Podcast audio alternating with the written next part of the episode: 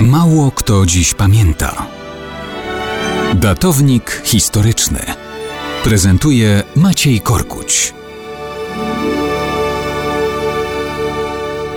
Mało kto dziś pamięta, że 22 listopada 1918 roku Polska zyskała głowę. No nie, nie.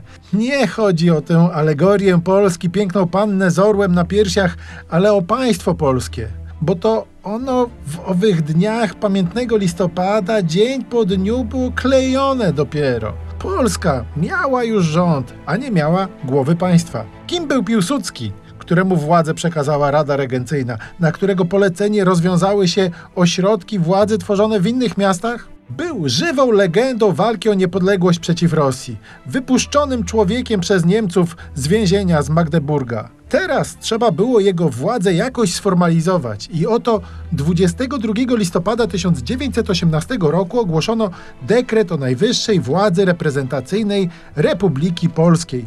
Piłsudski ogłosił w nim, że obejmuje władzę jako tymczasowy naczelnik państwa, ale od razu zastrzegał, że będzie ją sprawował tylko do czasu zwołania Sejmu Ustawodawczego, który rzeczywiście będzie miał mandat do reprezentowania całego narodu polskiego. Władzę do tego czasu Piłsudski miał ogromną jako naczelnik. To on mianował premiera i ministrów. Przed nim oni byli odpowiedzialni. To on zatwierdzał wszystkie projekty ustawodawcze Rady Ministrów i dopiero po jego akceptacji uzyskiwały one moc obowiązującą. On mianował wyższych urzędników. On zatwierdzał budżet. Miał więc tymczasowy naczelnik władzę naprawdę dyktatorską. I choć zastrzegał, że wszystkie te decyzje tracą moc obowiązującą, jeżeli ich nie zatwierdzi Sejm Ustawodawczy, to przecież mógł odwlekać wybory w nieskończoność. Powodów było tysiące.